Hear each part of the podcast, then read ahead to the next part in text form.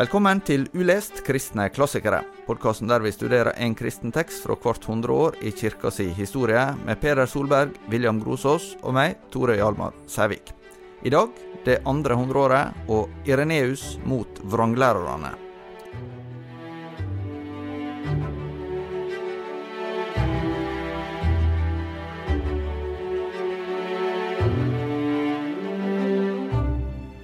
Ja, Dette er ikke helt som eh, planlagt, eh, William. Vi skulle egentlig snakke om Justin Martyr i dag. Vil iallfall de vite som har hørt forrige episode, men, men eh, vi har endra litt. Vi sparer Justin Martyr til vår store releasefest som vi skal ha 30. november, der vi skal ha en liveinnspilling med eh, Q&A og, og, masse moro på Lagshuset.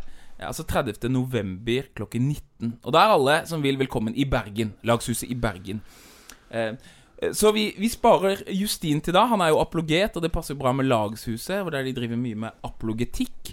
Men i dag så skal vi ta en eh, av de virkelig store fra denne tiden. Vi skal eh, gå på Ireneus av Lyon, som eh, ikke står tilbake for eh, Justin på noe? Nei, altså Tvert imot så vil vel eh, somme si at dette her er kanskje et av de viktigste bøkene i hele kirkehistoria.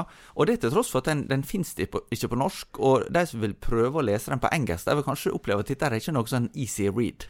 Nei, altså eh, Bare tittelen, ikke sant. 'Gjendrivelse og forkastelse av det som løgnaktig kalles eh, kunnskap'. Eh, det er liksom eh, mot heresiene, eller mot vranglæren, er det kanskje den letteste måten å, å hva skal jeg si, forkorte det på. Det er i hvert fall det det er gjort i historien. Men det er en ganske kronglete og vanskelig tekst.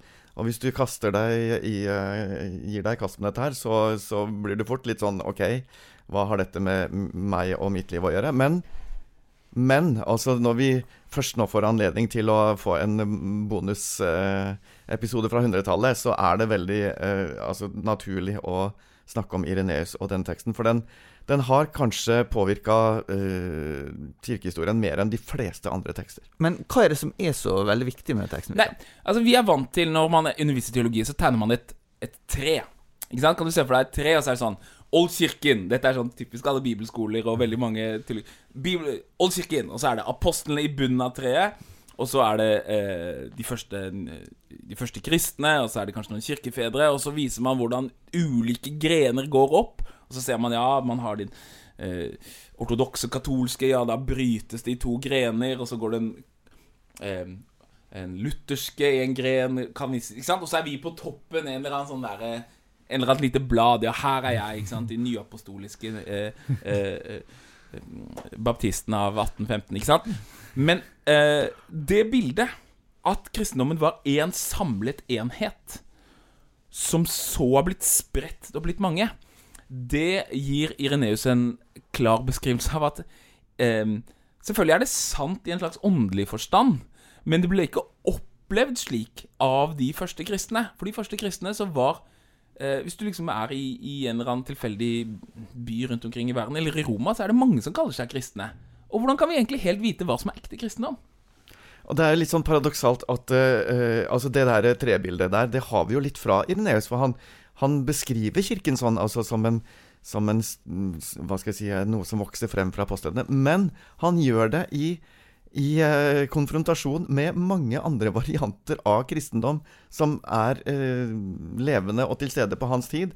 Så, så eh, det han beskriver i de to, to første kapitlene, som vi syns er tungt å lese, det er kristendommer, varianter av kristendom, som er blitt borte fra historien, eh, og som Ireneus gjennom sitt verk på en måte parkerer og sier at eh, altså, for all ettertid så Eh, så er det tydeliggjort gjennom hans grundige gjennomgang at skal man kalle noe kristendom, så må man bygge på den forståelsen som Ireneus gir oss. Og det er, det er faktisk sånn, som, eh, som, en forsker har sagt, eh, Bart Ehrman, at alle kristendomsvarianter i dag, de, eh, de er eh, kristne i tradisjonen etter Ireneus.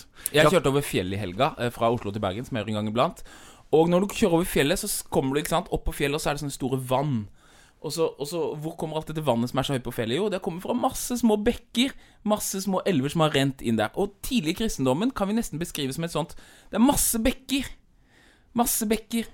Uh, og de drar i ulike retninger og har ulike kilder og ulike uh, Men uh, men så samles de noen ganger i et, i et, vann, da. Og så kan du si ja, her er den sanne kristendommen. Og så fins det andre bekker som da man ville sagt ja, vi er kristne, men som Ireneus identifiserer. Men denne bekken leder ikke til til det store felles vannet. Så eh, kristendom Det er så mye vi tar for gitt. Vi tar for gitt at vi skal tro på treenigheten. Vi tar for gitt at Jesus døde, at han var sann Gud og sann menneske. Vi tar for gitt at vi kan stole på de fire evangeliene. Vi tar for gitt at Paulus er til å stole på. Vi tar for gitt at Gammeltestamentet og Nytestamentet begge er viktige. Alle disse tingene som vi tenker selvfølgelig er det kristendom. Det er ikke så selvfølgelig på Ireneus sin tid. Og hvis vi hadde levd, og så hadde vi hatt et bibliotek av tekster som var, kalte seg for kristne.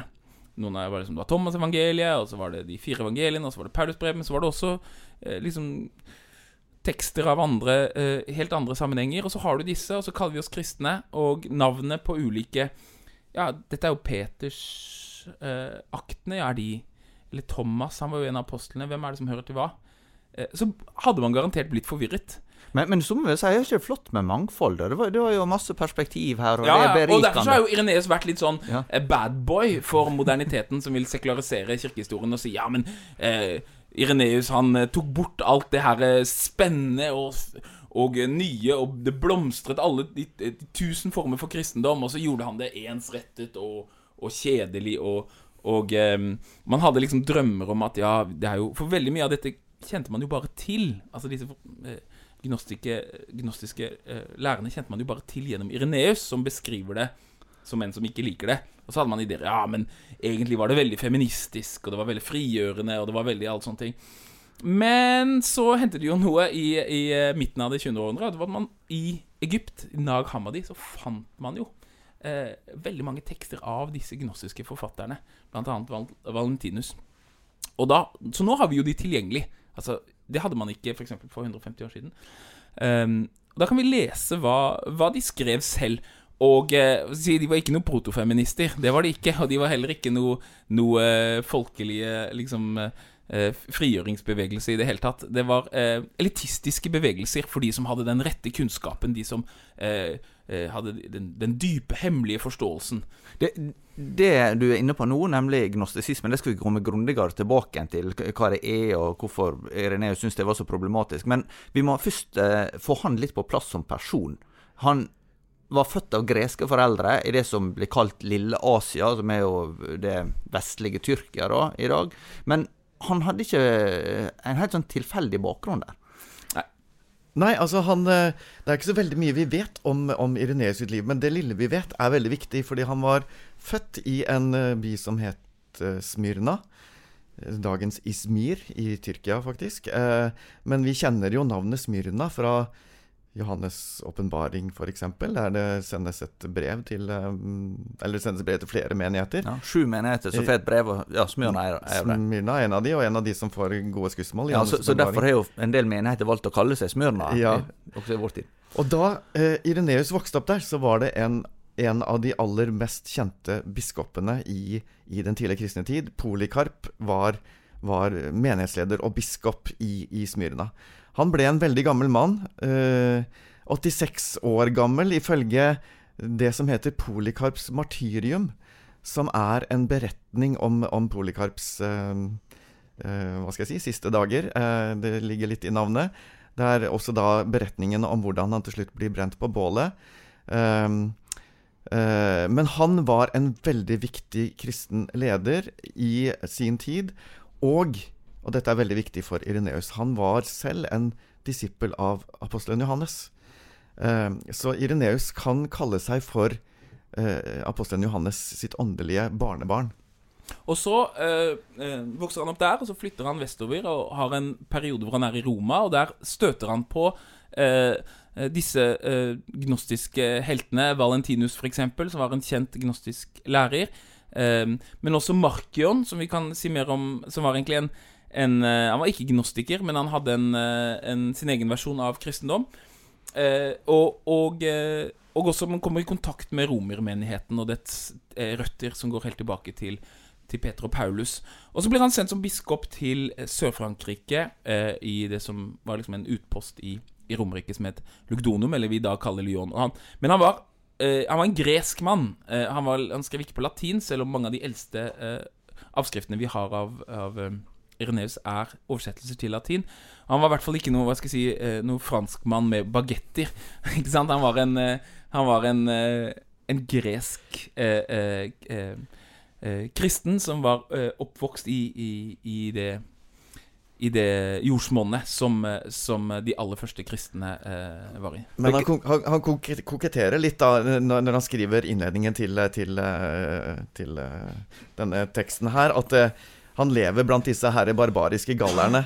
Eh, og så, så man må ikke forvente nå at han liksom eh, skal levere noe sånn retorisk perfekt eh, eller språklig perfekt. Eller, altså, eh, han, han lever blant barbarerne, så, så dette må du bare ta for hva det er. At jeg bare legger ut det, det jeg skal, uten noe veldig sånn fiksfakserier av fine hva skal jeg si former. Og så er det litt ulike eh, litt, Han er, lever der i Lyon og skriver disse bøkene, og, og det er litt ulike eh, oppgifter om han faktisk mister livet som martyr. Det er noen kirkefedre som sier det, og så er det en god del tidligere kirkefedre som ikke nevner det. Så mange forskere i dag er litt usikre på om det, man kan eh, være sikker på det, men, men også dør han ca. rundt eh, år 200, da.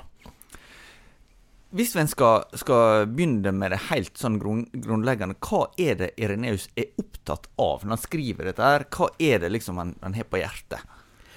Han har jo eh, mye på hjertet. Det er, en lang, det, er, det er fem lange bøker. Det er ganske tungt å lese, eh, og noe gjentagelse er det også. Men, men han har jo på hjertet at han vil forsøke Det er fantastisk å lese også. Fantastisk å lese, og særlig hvis, du, hvis, man, hvis man liksom klarer å komme igjennom, hvis man overlever bok én og to. Det er litt viktig å, å prøve å lese de for å forstå bok tre, men når man kommer til bok tre, så er det jo Oi, nå begynner det å bli gøy. Når jeg Nå leser dette, bli- så tenker jeg jeg vil være en kristen. Jeg vil ikke være en vranglærer. Ja, Jeg vil ikke drive med noe bullshit og noen nye greier. Jeg vil bare være kristen som apostlene var kristen. så, så det han har på hjertet, er jo å prøve å etablere en forståelse av hvordan kan vi si hva som er rett kristendom, når det finnes så mange varianter. Så han prøver å etablere noen kriterier for å definere dette, og dermed også gå igjennom alle disse andre variantene og, og, og forklare hvor de tar feil, og hvordan de tar feil, og hva som er problemet med måten de forsøker å, å løse det på. Da. Fordi det er jo det som er noe av utfordringen her. Det er eh, Altså, vi har jo noen, noen utfordringer når det gjelder å forstå hvem Gud er i forhold til det onde, f.eks. Så kristendom, hva er kristendom? Hvordan kan vi vite at noe er kristent? Hvordan kan vi vite at dette er bare inspirert av Paulus, dette er inspirert av evangeliene, eller dette er Men det er kristendom, det er sann kristendom. Hvordan kan vi vite det? Hvordan kan vi vite at dette er den kristendommen som eh, er forkynt over hele verden, og som hele den, eh, den verdensvide kirke eh, eh, felles kan ha som sin tro? Eh, Derfor så vil han etablere det man ofte kaller for kirkens katolisitet. Det Ja, det, det har ikke egentlig noe med det som det er ikke romersk-katolsk på den måten. Eh, ehm, det betyr det som eh, tilhører helheten. Det som ikke er av dere har deres lille tro her. Og så spennende, interessante tolkninger du har, men dette er vår felles tro. Ja, for eksempel sånn som i trosbekjennelsen sier en hellig Ja. allmenn, Ja. eller, eller allmennkirke. Det betyr ikke at den er liksom dagligdags. Det betyr at den er for alle. Og dette er litt viktig, fordi eh, vi var inne på dette med at, liksom, eh, at Ireneus blir sett på som litt intolerant og skal smalne inn og, og ikke er så glad i mangfold og sånn, men egentlig så er det jo alle disse han, han forsøker å avvise, som representerer en type sånn eh, innsnevra kristendom for de, for de innvidde. Mens Ireneus er opptatt av nettopp den verdensvide kirkens felles tro, som kan være litt ulikt eh, formulert og utforma her og der. Men han bruker et veldig eh, fint bilde, egentlig, fordi han sier noen av disse her, de sier at nei, vi kan ikke overlate sannheten til de enfoldige, til de, de som ikke er smarte nok, fordi de vil jo vri og vrenne på den og ødelegge alt. Så sier Ireneus nei, altså sannheten er som solen, den. Altså, uansett om du spør en mann på gata eller en ekspert om hva solen er, så vil du ganske kjapt eh, skjønne at det er solen vedkommende snakker om. Selv om de bruker helt forskjellig språk og snakker om helt forskjellig Altså, det er liksom største lyset du vet om. Altså, eh, det er noe annet enn en en kjemiker eller en fysiker eller ekspert på solen vil kunne si. Men, men, du skjønner at det er samme greia de snakker om. Så mangfold på den måten kan være helt greit, så lenge det er sannheten som man har fokus på. Og da er jo et viktig stikkord gnostisisme, som, en, eh, som kommer av det greske gnosis, men som er å finne i mange av våre ord som vi bruker. Agnostiker, f.eks., som ikke er kunnskap, eller diagnose, eller prognose. Det handler om å vite noe. Mm. Og, og, litt av poenget til de som Ireneus går i rette med, er at det er ikke alle som veit. Nei, det fins liksom eh, Valentinus kommer med noe nytt fordi han sier ting som vi ikke, eh, ikke er i de skriftene og ikke er i den tradisjonen som kommer fra uh, apostlene. De har en hemmelig tradisjon, de har en hemmelig kunnskap.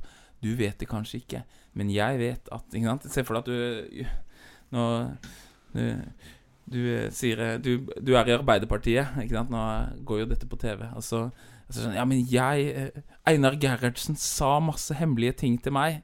Ikke sant? Og jeg har den autoriteten som jeg kan komme med på Aps landsmøte. Da ville de andre si Sa han det ikke offentlig? Skrev han det ikke? Så, så, hvordan skal vi forholde oss til det? Og dette var jo sant, Gnostikerne de kunne referere til Ja, men dette her Jo, forstår ikke dette evangeliene? Hvorfor lærer man ikke dette overalt? Dette er hemmelig kunnskap som er gitt i oss. Dette er vår gnosis. Og derfor så har vi den, den sanne kristendommen. Men den er bare tilgjengelig for de som har den, den, den muntlige, hemmelige tradisjonen som er avgitt til oss. Da er det kanskje naturlig å si litt om hva alternativet kunne være. da? Altså, Hva var det de forkynte, de som eh, Ireneus uh, så behov for å, for å, korrigere? De hadde ulike varianter. Uh, William var inne på at altså, Selve begrepet gnostisisme er, er, jo egentlig et moderne begrep, men vi har det fra Ireneus. Han kaller de for gnostikere. De har hver sin variant av kunnskap. og noe av det som, som, de, som legges fram da, i, i, i varianter av dette her, er en eh, beskrivelse av eh, hvordan det guddommelige eh, utfolder seg gjennom flere lag, så å si, flere generasjoner, eh, og hvordan eh, begreper som vi leser om i både Det gamle og Det nye testamentet For mange av de bruker også Det gamle testamentet, men det er, de må forstås på en hemmelig måte. De, de er på en måte bilder på bilder som, som peker tilbake mot Eh, altså, man snakker om eh, Finner sånne fine begreper, og, og Ireneus latterliggjør det òg. De snakker om enhet og monade og eoner, og, eh, og som kommer sammen, og så bærer frukt, og så får du den førstefødte, osv. Ireneus sier at uh, du kan ikke gjerne snakke om gresskar og agurk som uh, for melon og som Altså, han, han, sier på en måte Og så kommer alle andre frukter. Altså, han, han sier, de har masse sånne fine begreper som de henter fra Bibelen. Og de bruker Bibelen. og Det er jo et av disse viktige momentene for Ireneus. at ja, de bruker Bibelen, men de plukker det fra hverandre og setter det sammen på helt andre måter. Han bruker et bilde som en mosaikk. ikke sant? Du kan se for deg eh, Skriften. Eh, eh, både Gamletestamentet og eh, det som Ireneus etablerer jo Han bruker jo det vi kjenner Paulusbrevene og evangeliene, ikke bare som eh, tolkning av Gamletestamentet, men han bruker det litt sånn som oss, som hellig skrift. Det, det, er interessant, og han argumenterer veldig sterkt for hvorfor de fire evangeliene vi, skal, vi har, er. Hvorfor ikke det fins fem evangelier, ikke fins tre evangelier, det fins fire. Og disse fire de bindes sammen med Paulus gjennom at Lukas skrev apostlenes gjerninger, og dermed viser at det fins en dyp sammenheng mellom det Lukas forteller, og det Paulus forteller. Og han liksom etablerer Det nye testamentet som noe som er hos ham sidestilt med Det gamle testamentet i, i autoritet. Og det finner du ikke hos de tidligere Eh, eh, forfatteren enn han. Og, og, men, eh, men, han sier at disse tekstene de er som en sånn mosaikk. Du kan lage et mosaikk av steiner. Og så kan du eh, få eh, de samme steinene til å bli en hund eller en, en, en, gris. Men du kan også lage et vakkert menneskeansikt av det. Spørsmålet er hvordan du organiserer det.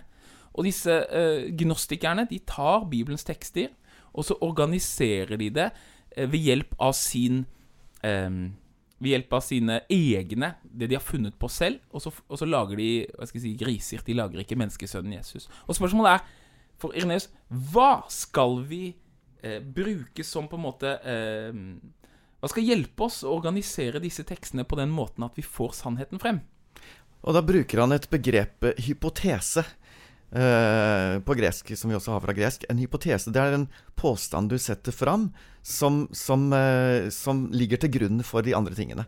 Uh, og da Altså, hypotesen hos Ireneus, da, det er det han kaller troens regel, eller sannhetens regel. Uh, og Det er litt vanskelig å, å få uh, tak på hva han egentlig mener der, men han knytter det til bekjennelsene, annet. Altså trosbekjennelsene. Hva er det vi tror på? Jo, vi tror på Gud Fader, som har skapt alt. Vi tror på Jesus Kristus som død og oppstanden. Vi tror på Den hellige ånd. Sånn, altså Her får vi jo en sånn treenhetsbeskrivelse. Men hvor har vi dette fra? Jo, vi har det fra apostlene. Så vi har ikke bare deres skrifter, men vi har også deres egne vitnesbyrd om hva som er det sentrale organiserende prinsippet. Altså hva er kjernen i det de forkynner? Ja, Så- for, for det fantes ikke noen felles bekjennelse som var formulert? Som Nei, en- den var ikke, Ja. altså det fantes jo uh, på en måte formuleringer av oppsummeringer av den kristne tro, eh, og de var viktige. Og nettopp gjennom Ireneus så finner vi noen av de, det vi kan kalle de tidlige bekjennelsesformuleringene. Men han knytter det også til praksis. Altså dette at vi døper, døper i Faderens og den hellige eh, Faderens og Sønnens og Den hellige ånds navn. Altså Dette har vi også fra apostlene. eh, eh, som en praksis som også hører til troens regel.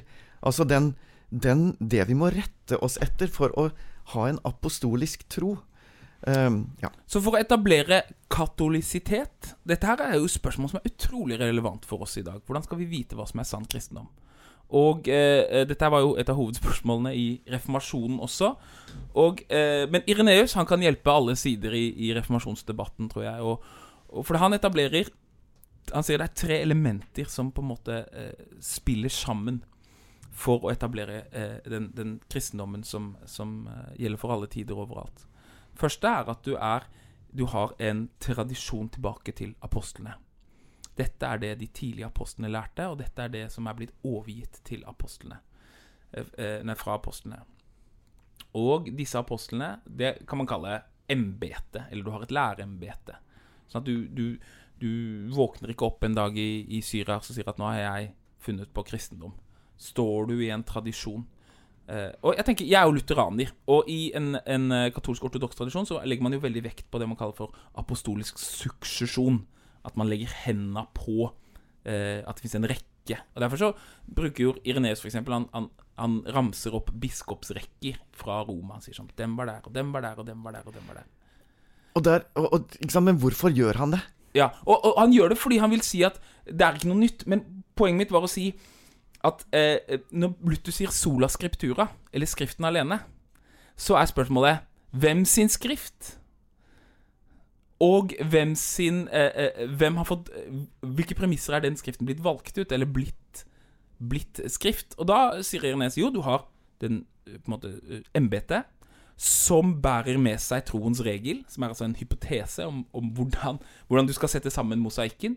Og så har du det tredje laget, som er kanon. Altså hvilke tekster er Guds ord av Det nye testamentet. Når Ja, disse tre hvor- hvor- tingene henger sammen, embetet, troens regel og kanon, da har du eh, eh, Og de to måtte spille på lag. Da har du sann kristendom. Hvor langt på vei var en kommet med å avklare hva som var Det nye testamentet på Ireneus tid? Altså eh, langt. Eh, Det er jo ulike fortellinger om dette, men, men eh, de aller fleste av de tekstene som vi nå har i Det nye testamentet, var på denne tiden etablert som autoritet i kirken. Men så er det også nettopp det at er, skal vi forstå de som hellig skrift? Og dette er litt sånn interessant. altså Nå skal jeg komme med en hypotese. Fordi eh, jeg har jobba litt med dette kanonbegrepet. Eh, eh, og jeg tror, som du, som du eh, sa, William, at eh, hadde man på reformasjonstiden satt seg ned eh, og snakka sammen og, og lest Ireneus, så kan det hende at ting ville sett veldig annerledes. Fordi det som er, ligger i begrepet kanon hos, hos Ireneus, det er nettopp det han bruker i troens regel også. Jeg tror at kanon egentlig er um, Altså, selve ordet betyr jo egentlig loddesnor. Det du Nå holder jeg i luft her. Uh, det du bruker for å når du skal bygge en rett vegg. Sant? Du, du legger først én stein, og så legger du de andre steinene oppå Uh, og, og bygger de rett oppover ved hjelp av en kanon. Sant? Hvis du tenker deg dette, den beskrivelsen av det nye Jerusalem i, på slutten av Johans åpenbaring Hvordan ser det ut? Jo, det er grunnsteinene er apostlene. Og så er resten av kirken bygget opp i kanon. Det er bygget opp på grunnsteinene. Så kanonbegrepet for Ireneus, det er egentlig Hva er det? Jo, det er det vi skal rette oss etter, fordi det er fra apostlene. Det er det apostoliske. Og sentralt der er selvfølgelig den skriftlige kanon, men det er også troskanonen, som han beskriver det. Altså, det er også bekjennelsen, det er dåpen. Det er disse eh, eh, Hva skal jeg si eh, Beskrivelsen av kjerneinnholdet og praksisene som vi har fra apostlene. Det er også kanon. Eh, eh, fordi det er apostolisk. Så det at Bibelen, eller det, eh, altså Det nye testamentet, er kanon, det er fordi det er apostolisk. Så det er litt sånn Nå snur jeg det begrepet litt på hodet, på en måte, i forhold til at vi tenker at det knyttes bare til tekster. Mens jeg vil si nei, det er det, er det apostoliske som er kanon. Det er det vi må bygge på. Og Det var litt poenget mitt med, med, Luther også. At det er helt utenkelig for Luther å se for seg liksom sola scriptura uten at det er i lys av de oldkirkelige bekjennelsene. Mm. Eh, eh, og det er eh, det er sånn Man kan ta liksom Man leser Luther mot Luther, eller man på en måte blir mer luthersk enn Luther. Og at man sier at for meg er det bare Skriften. Det er jo det som ble konsekvensene en god del. At folk Ja, jeg er veldig luthersk, for meg er det bare Skriften. Luther mener at Skriften eh, eh, har en kan dømme embetet og kan dømme eh, eh, våre praksiser. Men dette lever likevel for ham i en gjensidig relasjon. Det må det gjøre. For hvem bestemmer hva som er Skriften? Og hvem bestemmer hva som er I første kor 15, veldig viktig eh, kapittel hos Paulus, så sier han sånn Jeg overgir til dere det jeg selv har tatt imot.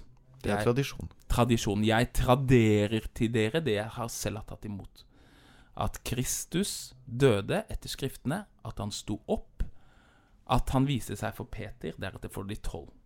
Ikke sant? Og Det er tydelig at det er et par setninger som Paulus traderer, som er som et sånt bilde av hvordan mosaikk skal vi lage. Mm. Vi skal lage en mosaikk når vi leser Gammeltestamentet og vi leser evangeliene, og dette er mosaikken.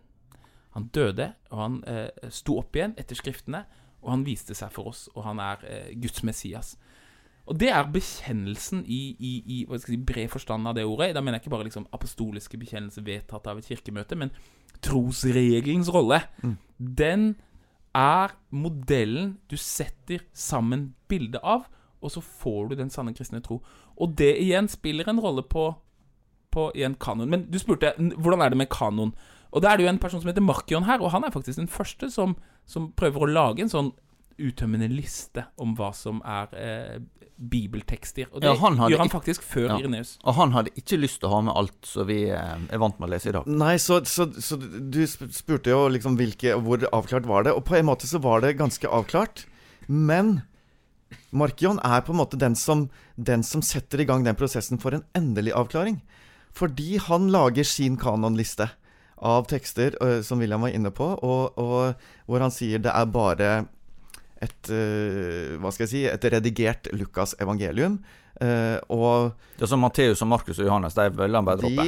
De må bort. og ikke noe andre brev enn Paulus-brevene. Og de må også redigeres. Fordi Markion, han har nemlig et problem med den jødiske gud, eller Javé, den gammeltestamentlige gud. Jesus kommer for å frelse oss fra han. Så alt som peker til jødedom, det er enten fordi disiplene sjøl hadde misforstått, eller fordi andre har kommet seinere og lagt inn henvisninger til, til Javé og til Det gamle testamentet som, som, ikke har med Jesu, eller i hvert fall ikke med Kristi, for han kan skille der også, budskap å gjøre. så, så, så Markion lager sin kanonliste, eh, og da reagerer de andre Da reagerer folk som Ireneus og sier ja, men altså, nei, vi har Og da kan han vise til tradisjonen i kirkene. Vi har disse og disse skriftene som er utbredt overalt, som leses og brukes i kirkene. Så skal han komme her og på en måte eh, lage sin egen variant av det. Hvor har han det fra? Og det som er interessant, også sånn kanonhistorisk, da, det er jo at det, at der har ikke Markion Han har ikke noe særlig andre skrifter å komme med. Valentinus osv. De, de har jo sine egne skrifter og ting, men, men Markion bruker jo faktisk sam, noen av de samme tekstene som vi har i Det nye testamentet, men vil redigere de. Det er jo sånn at Markion, som vi var inne på, er ikke det vi kan kalle gnostiker. Men det han heter felles med gnostikerne, det er jo nettopp problemet med Det gamle testamentet. Mm. For, for, for, at en her får en svar og perspektiv og sånn, som en, som en sier Dette kan en bare ikke godta. Mm. Ja. Nei, Marken var en mann som vokste opp ved Svartehavet, en by som heter Sinope. Var en rik mann som kom til Roma, og som eh, eh, var eh, veldig skeptisk til alt jødisk, og, og, tenkte at Jesus kunne frelse oss fra den hva skal jeg si, jødiske gud, egentlig. Og at det fins en gud bak den Gud, Gud aksepterte en slags demiurg som skapte verden, og så, eh, som vi kjenner igjen i Gamle Testamentet. og så frelser Jesus oss fra det. Og, og um, um, det er liksom løsningen på det ondes problem for, for Markion.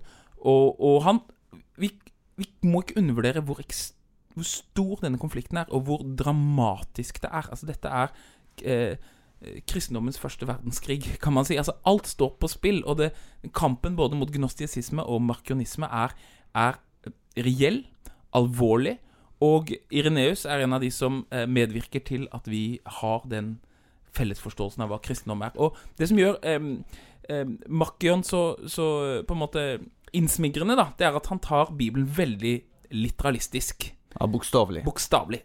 Det står jo i Bibelen at Gud vil at eh, Jesus er offerlammet på samme måte som at, at Gud er liksom en blodtørstig Gud. Nesten som Og så ofrer Gud sin sønn Jesus, er Gud Molok? Kan man liksom spørre i, i, i, i forlengelse av, av, av eh, Markion. Er Gud en som liker eh, menneskeoffer, og derfor liksom blir tilfredsstilt av det? Nei, det går ikke.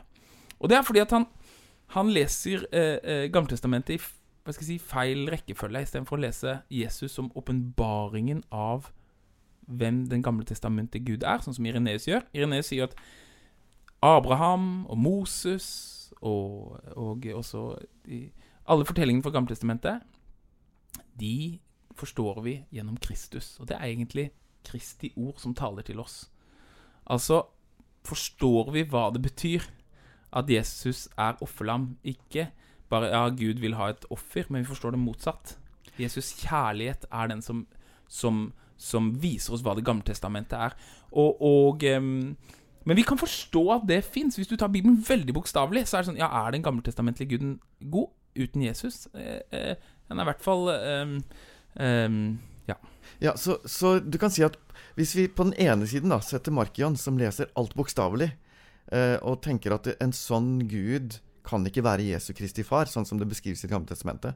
På den andre siden så har du Valentinus og en del av, av gnostikerne som leser alt allegorisk og sier at nei, dette betyr egentlig noe helt annet. Det er begreper som er nøkler til å forstå alt på en helt annen måte enn det det står. Eh, fordi hvis vi bare forstår disse begrepene, så ser vi at her er det, her er det hva skal jeg si, ulike eoner som utfaller seg osv. Men så, så det fortåper seg egentlig bare i Du brukte et bilde, William, på at det er speil på speil på speil. Altså det, ja, det blir ja. bare sånn her Ja. ja så, så det, det, det, ligger en sånn skjult kunnskap her som du må ha nøkler til å få, få, få fram, ikke sant? Men, men eh, eh, imellom der så står Ireneus og sier vi må lese Bibelen kristologisk.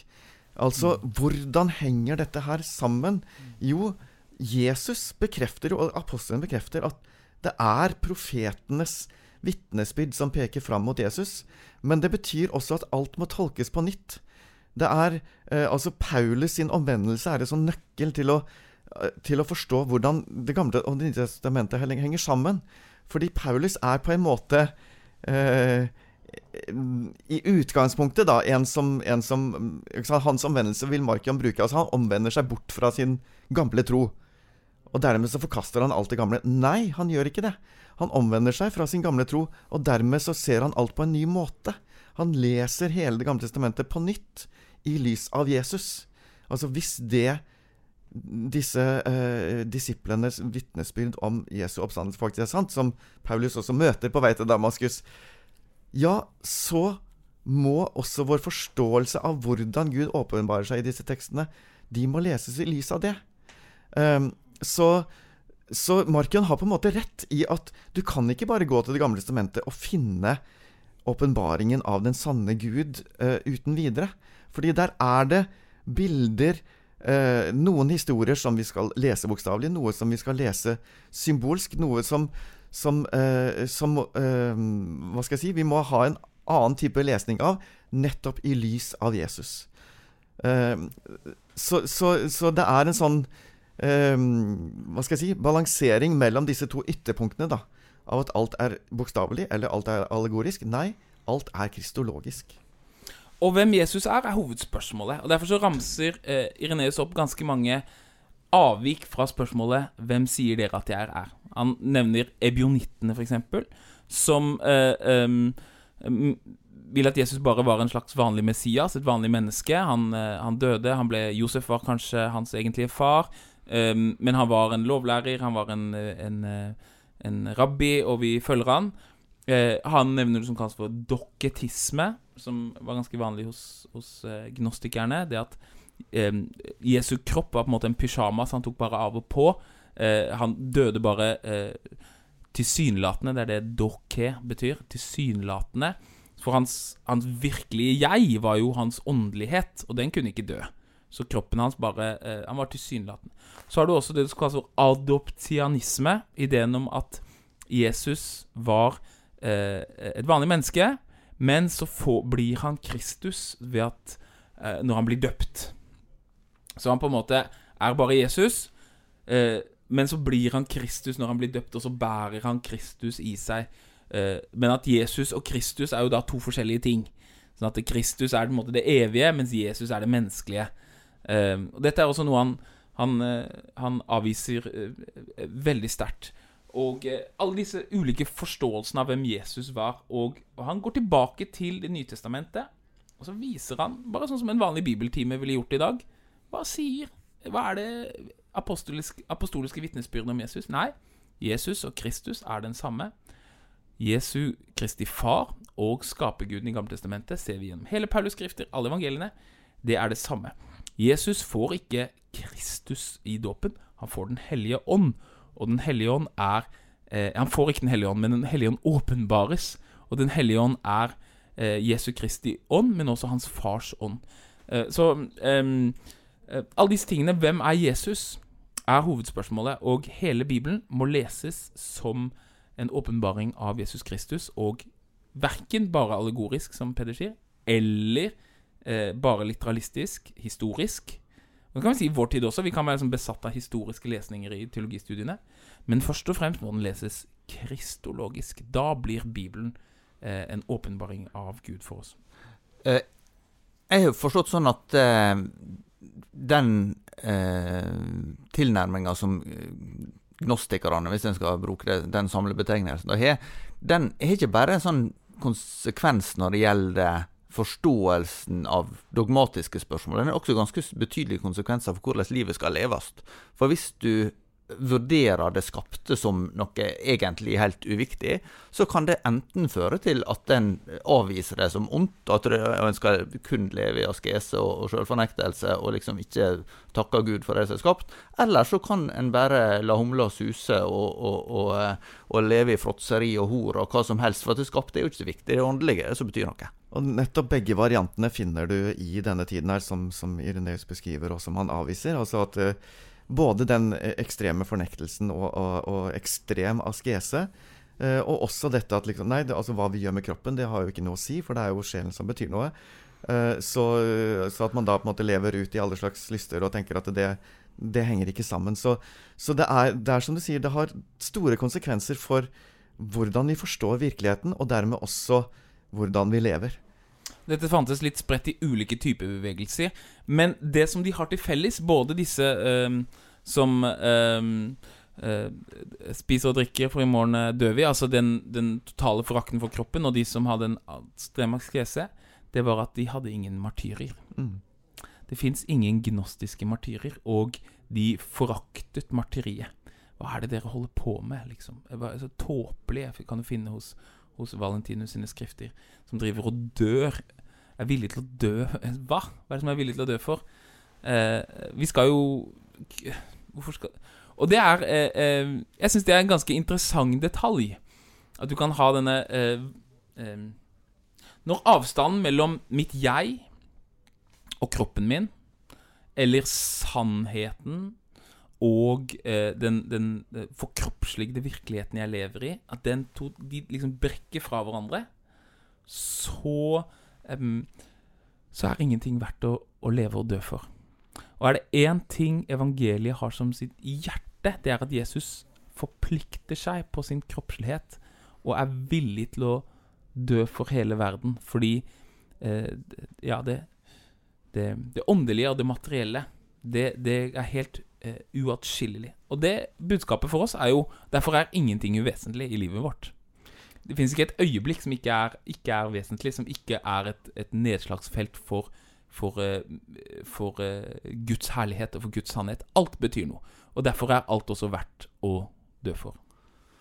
Altså alt det. Ja. Hvordan argumenterte han imot gnostikerne? Altså, hvor er det han sier at dere, altså, grunnlaget deres er feil? Premissene er gale? Altså, han, han legger jo vekt på eh, spørsmålet hvor de har uh, tingene fra. Uh, han går jo inn i å argumentere mot konkrete uh, forestillinger de har, og, og, og, og, sier at dette er jo bare nonsens. Altså, det, hvor, hvor, hvor kommer det fra?